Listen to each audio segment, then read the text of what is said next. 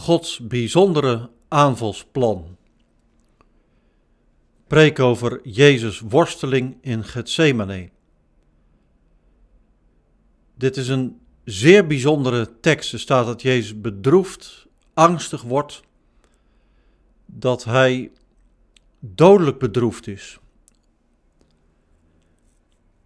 Het is niet alleen de worsteling van Jezus, het is ook een worsteling om deze tekst te begrijpen, om Jezus hier te volgen en niet, net als de discipelen, in slaap te vallen.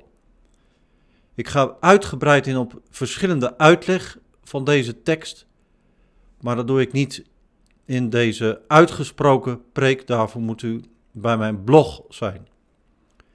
Ik lees eerst de tekst, Matthäus 26, vers 36 en verdere, daarna volgt de preek. Vervolgens, dat is na de viering van het Pesachfeest, vervolgens ging Jezus met zijn leerlingen naar de olijfgaard die Gethsemane wordt genoemd. Hij zei, blijf jullie hier zitten, ik ga daar bidden. En dan Petrus en de twee zonen van Zebedeus met zich mee. Toen hij zich bedroefd en angstig voelde worden, zei hij tegen hen, ik voel me dodelijk bedroefd, blijf hier met mij waken.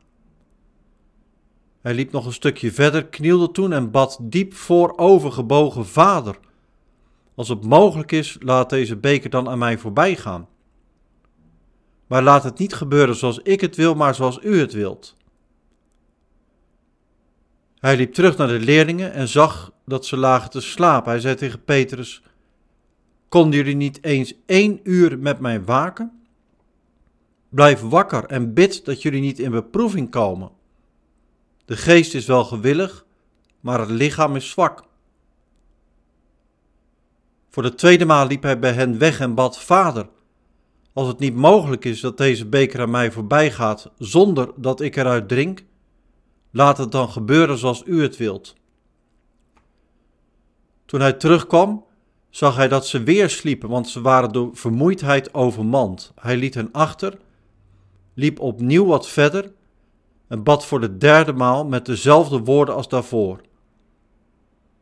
Daarna voegde hij zich weer bij de leerlingen en zei: Liggen jullie daar nog steeds te slapen en te rusten? En dat terwijl het ogenblik nabij is waarop de mensenzoon wordt uitgeleverd aan zondaars. Sta op, laten we kijken, kijk, hij die mij uitlevert is al vlakbij. Nog voor hij uitgesproken was, kwam Judas eraan, een van de twaalf. In gezelschap van een groot, grote, met zwaarden en knuppels bewapende bende, die door de hoge priesters en de oudsten van het volk was gestuurd. Met hen had zijn verrader een teken afgesproken. Degene die ik kus, had hij gezegd, die is het, die moet je gevangen nemen. Hij liep recht op Jezus af, zei, Gegroet, rabbi, en kuste hem. Jezus zei tegen hem: Vriend, ben je daarvoor gekomen? Daarop kwam de bende naderbij. Ze grepen Jezus vast en namen hem gevangen. Nu greep een van Jezus' metgezellen naar zijn zwaard. Hij trok het, haalde uit en sloeg de dienaar van de hoge priester een oor af. Daarop zei Jezus tegen hem: Steek je zwaard terug op zijn plaats want wie naar het zwaard grijpt, zal door het zwaard omkomen. Weet je niet dat ik mijn vader maar te hulp hoef te roepen? En dat hij mij dan onmiddellijk meer dan twaalf legioenen engelen ter beschikking zou stellen? Maar hoe zouden dan de schriften in vervulling gaan, waar staat dat het zo moet gebeuren? Toen zei Jezus tegen de omstanders: Met zwaarden en knuppels bent u uitgetrokken om mij te arresteren alsof ik een misdadiger ben. Dagelijks was ik in de tempel om u onderricht te geven. En toen hebt u me niet gevangen genomen. Maar dit alles is gebeurd opdat de geschriften van de profeten in vervulling gaan. Daarop lieten alle leerlingen hem in de steek en vluchtten weg. Tot zover het woord van God. Gemeente van de Heer, beste luisteraar. Vandaag gaan we de stille week in. Dat doen we door ons te richten op Jezus' doodstrijd in Gethsemane. Er staat dat Jezus de controle over zichzelf verliest. Jezus zweet wordt bloed, vertelt Lucas. Hij desintegreert als gevolg van extreme stress. Als wij Jezus willen volgen, betekent dat voor ons ook een worsteling. Dat we niet afhaken zoals de discipelen die in slaap vielen. Dat we blijven kijken naar de Heer. En dat is niet simpel. Er is een lied dat zingt: Leer ons, Heer, uw lijden recht te betrachten. Gethsemane roept veel vragen op. Ik noem de volgende vragen. Hoe kan dit nou bij Jezus gebeuren? Altijd is Jezus Heer en Meester. Daarmee bedoel ik, in twistgesprekken is hij de geleerde, de baas. Jezus bedwingt de storm op het meer. De dood roept hij een halt toe. Demonen drijft hij uit. Satan stuurt hij weg. Eindeloos veel mensen geneest hij. Altijd, overal is Jezus Heer en Meester. Tot hier. Gethsemane is een keerpunt. Wat voor een Heer is Jezus? De volgende vraag, wat gebeurt er hier? De geschiedenis kent zat voorbeelden van mensen die moedig hun dood of hun martelaarsdood tegemoet gingen. Denk aan Socrates. Is Jezus een watje? Kijk goed, aan de ene kant is er die biddende doodstrijd, dat lijkt zwak. Maar als Petrus erop los wil slaan met zijn zwaard, verbiedt Jezus dat. Jezus zegt dat hem een immens groot hemelsleger ter beschikking staat. Jezus is, oud-testamentisch gezegd, de Heer van de hemelse machten. Hij is eindeloos sterk. En dan toch die weg naar het smadelijke kruis. Hoe zit het nou met Jezus' kracht? Nog een vraag. Jezus smeekt of deze beker, zegt hij, aan hem voorbij mag gaan. Met die beker bedoelt Jezus Gods toorn over de zonden. Staat vaak in het Oude Testament zo. Wil Jezus echt dat hij niet hoeft te lijden en te sterven en vraagt hij dit aan zijn vader? Als dat zo is, zou je dan niet gaan twijfelen aan je redder? Ik bedoel, wil Jezus jou dan, als het erop aankomt, zoals hier, nu wel of niet redden? Maar lees het hele evangelie, Jezus liefde is uit één stuk. Jezus is uit één stuk. Nooit verliest hij jou uit het oog. Ook niet in Gethsemane. Wat is dan Jezus' gebedsworsteling? De laatste vraag. Hoe moet het voor zijn discipelen zijn geweest hiervan getuige te zijn? Ja, dat is ook wel iets opmerkelijks aan dit verhaal. De discipelen vallen steeds in slaap en je houdt dat niet voor mogelijk. Een grotere tegenstelling is niet denkbaar. Terwijl Jezus biddend strijdt en bijna bezwijkt, lukt het zijn discipelen niet eens om alleen maar hun ogen open te houden. Uiteindelijk vluchten ze allemaal bij Jezus vandaan. Wat betekent dat?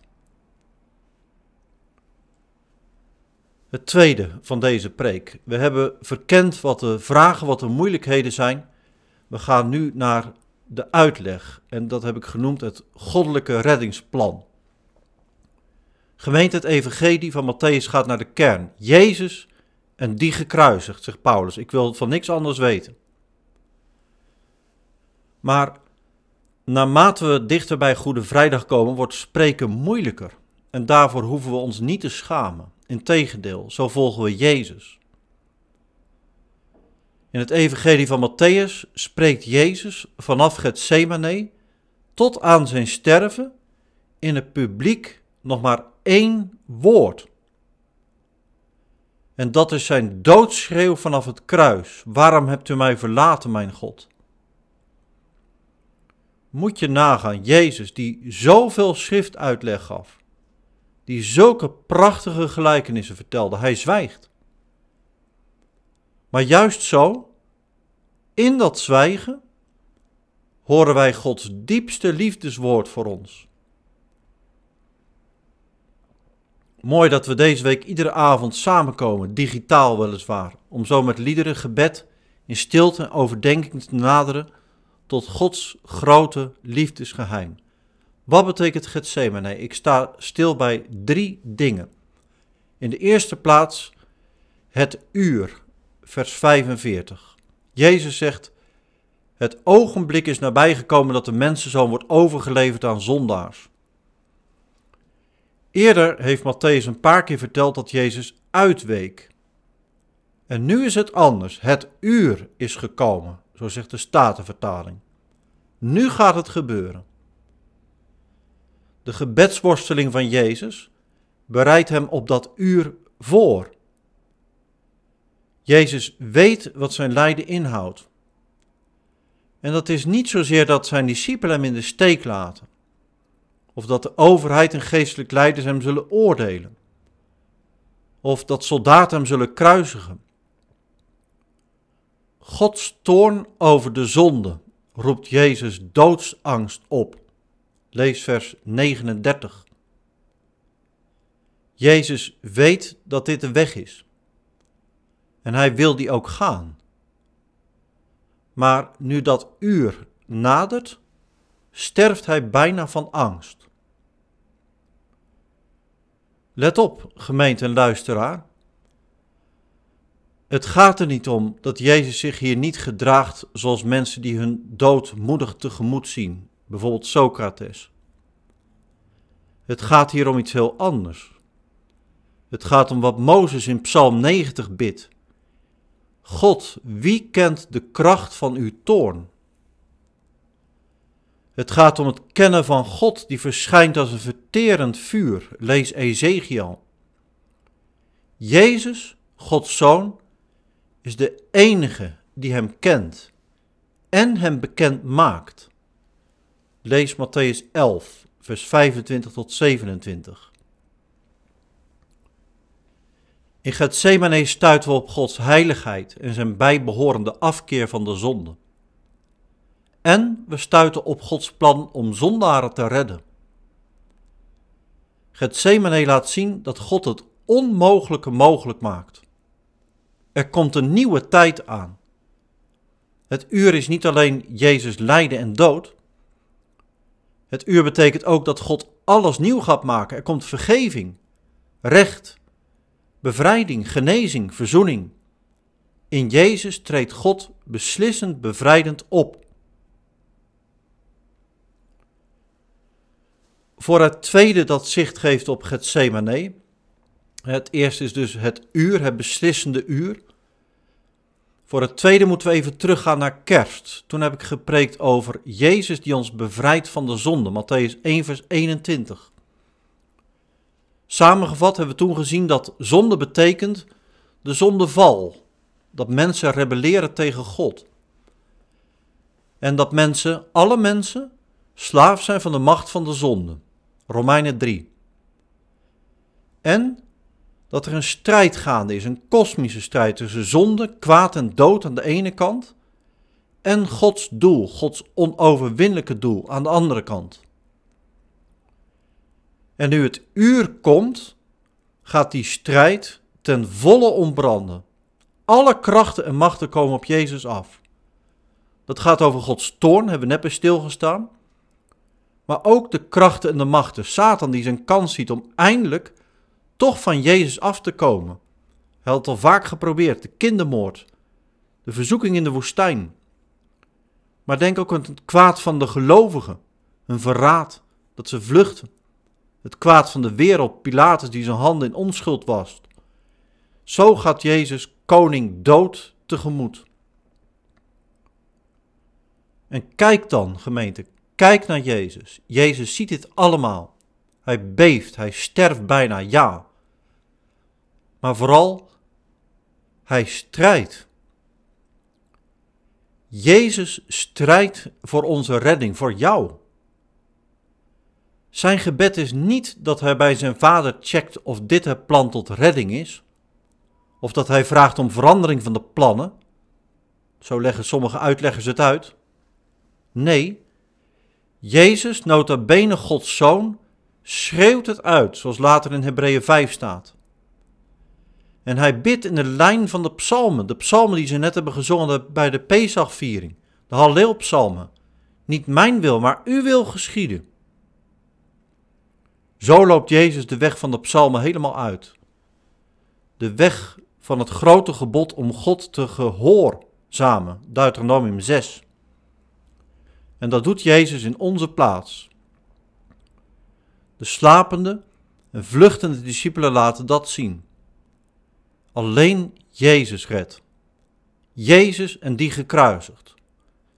Het uur, het uur van ellende, wordt ons uur van onvoorstelbaar geluk. Alles gaat anders worden dankzij Jezus. Hij bevrijdt.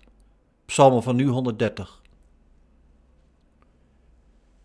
Ik weet niet of je de film The Lord of the Rings wel eens hebt gezien.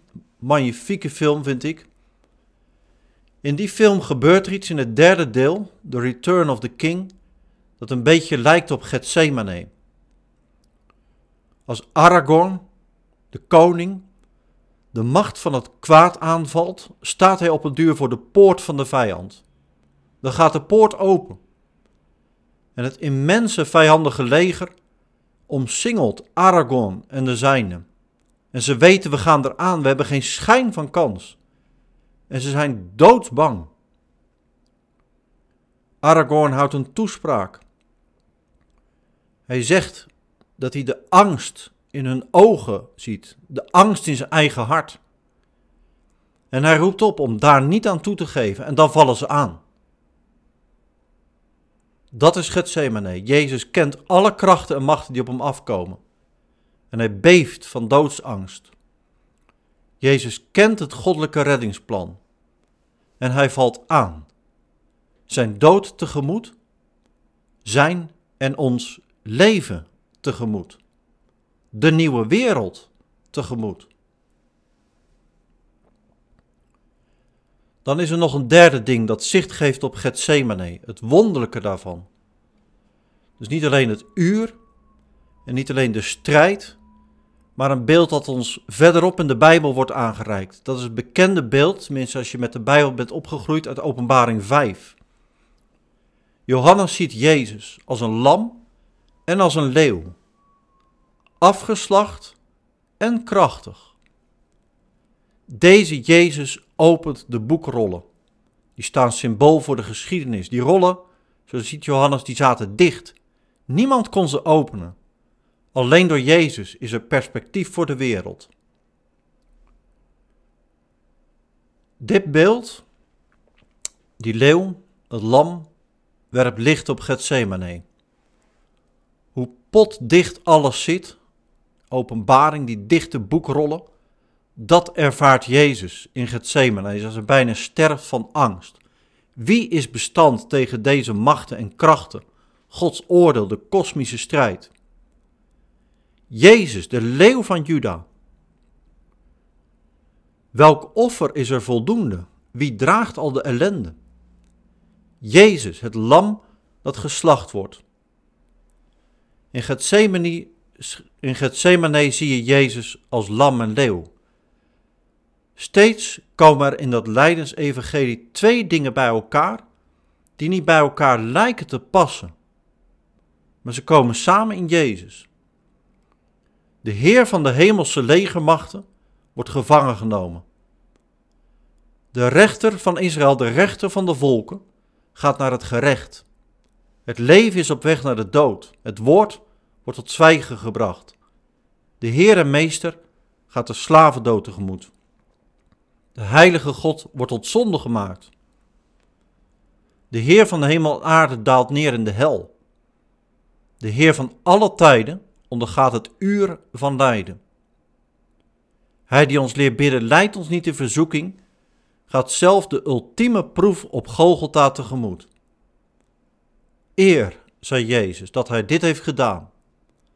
Dank aan de Vader, de Zoon en de Heilige Geest dat zij dit voor ons hebben gedaan, het voor ons hebben opgenomen.